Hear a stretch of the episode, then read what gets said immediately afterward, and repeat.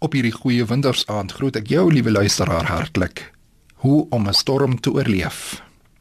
Ons lees in Matteus 14. Die skuit waarin die disippels was, was reeds 'n paar kilometer van die kus af en is deur die golwe getuister want die wind was van voor. Met dagbreek die volgende môre het hy op die see na hulle toe aangeloop gekom.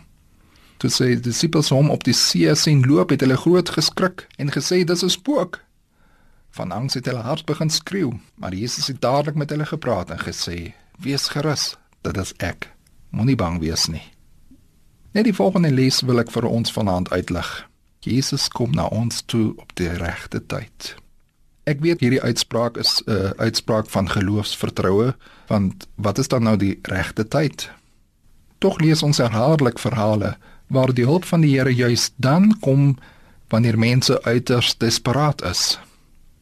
In ons verhaal lees ons dat Jesus in die 4de nagwag na die disippels toe gekom het, sodat so tussen 3 en 5 uur die oggend net betyds.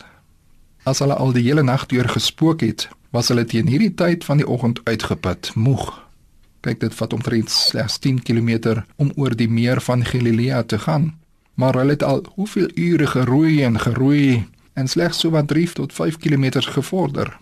En toe die nag op sy donkerste was, toe verskyn die lig net betyds. Jy mag dalk wonder waarom die Here so te werk gaan. Ek kan moeilike antwoord gee, maar mag dit wees dat ons nog nie desperaat is nie. Het ons dalk nog nie eers na die Here toe geroep nie, hom in ons situasie ingebid nie.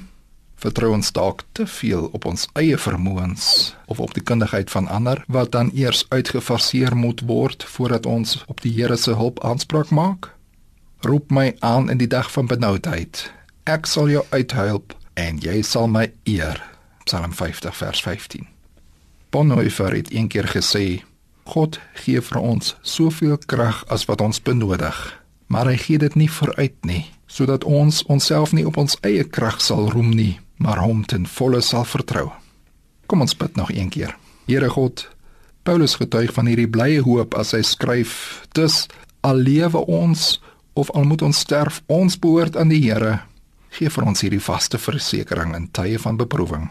Aan U behoort die koninkryk en die krag en die heerlikheid tot in ewigheid. Amen.